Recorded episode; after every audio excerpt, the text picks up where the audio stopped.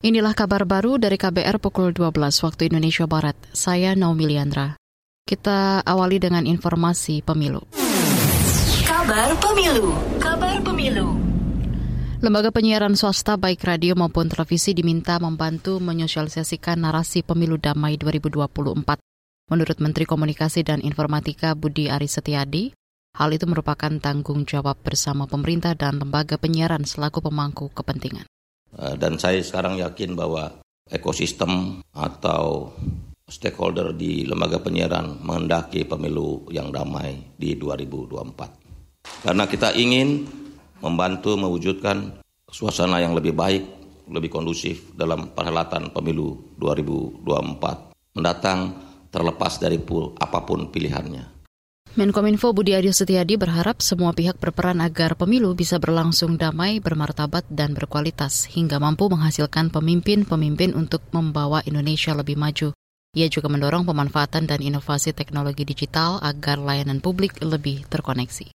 Masih seputar pemilu, janji BBM gratis yang dilontarkan PKB jika sang Ketua Umum Muhaimin Iskandar menang Pilpres dinilai terlalu ambisius. Pendapat itu diungkapkan Direktur Eksekutif KOR Muhammad Faisal. Menurutnya tidak mungkin BBM digratiskan karena bakal berdampak ke banyak hal alokasi anggaran subsidi BBM ini kemudian jadi gratis menurut saya sangat besar sehingga harus ada konsekuensi terhadap alokasi untuk keperluan yang lain yang harus dikurangi. Itu tadi ekonom KOR Muhammad Faisal. Sebelumnya Wakil Sekjen PKB Syaiful Huda menuturkan masyarakat bisa mendapat BBM gratis apabila Caimin terpilih menjadi wakil presiden. Janji lain juga dilontarkan oleh Caimin, yakni dana desa bakal naik menjadi 5 miliar rupiah per desa tiap tahun, akan bertambah 3 miliar dari anggaran saat ini, atau bertambah 3 miliar dari anggaran saat ini. Beralih ke informasi olahraga, Ganda Putri Indonesia memastikan satu tiket ke 16 besar kejuaraan bulu tangkis Hong Kong Open 2023. Tiket itu bakal diperebutkan antara Apriani Rahayu, Siti Fadia dengan Febriana Amalia di babak penyisihan hari ini. Wakil-wakil merah putih dari sektor ganda putra juga bakal bertanding. Tiga di antaranya bakal melawan ganda Taiwan, yakni Fajar Rian, Leo Daniel, dan Bagas Fikri.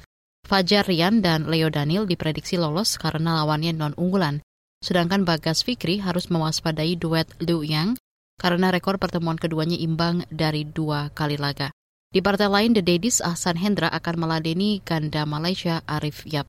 Berikutnya Pramudia Yeremia kembali bersua Endo Takei dari Jepang. Pramyeri belum pernah kalah dari tiga kali pertemuan tetapi selalu melalui laga alot tiga game. Demikian kabar baru dari KBR, saya Naomi Liandra.